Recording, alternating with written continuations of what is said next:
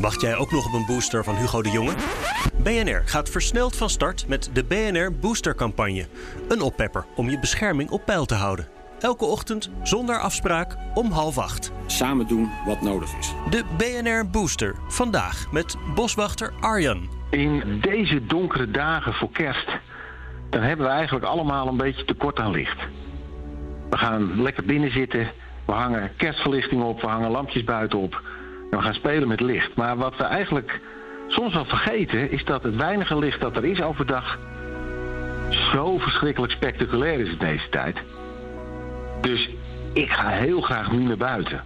Ook als het zo buiig weer is, met donkere wolken, goede jas aan. Maar op het moment dat die zon er dan bij, komt, dan staat de hele wereld opeens in vuur en vlam. Uh, het ene moment is de wereld grauw en grijs en druilerig.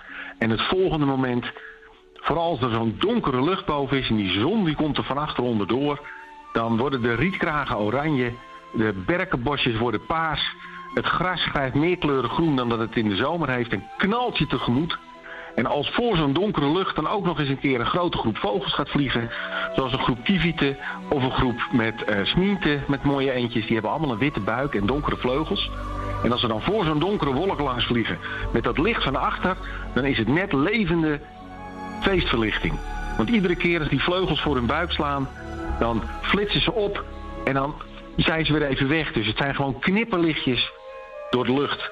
Dus let op dat licht, want in de donkere dagen voor kerst hebben we misschien wel het mooiste licht van het hele jaar. Deze booster krijg je van BNR. Morgen weer een injectie? Abonneer je dan in de podcast-app op de BNR Booster. Dat is voor ons allemaal belangrijk.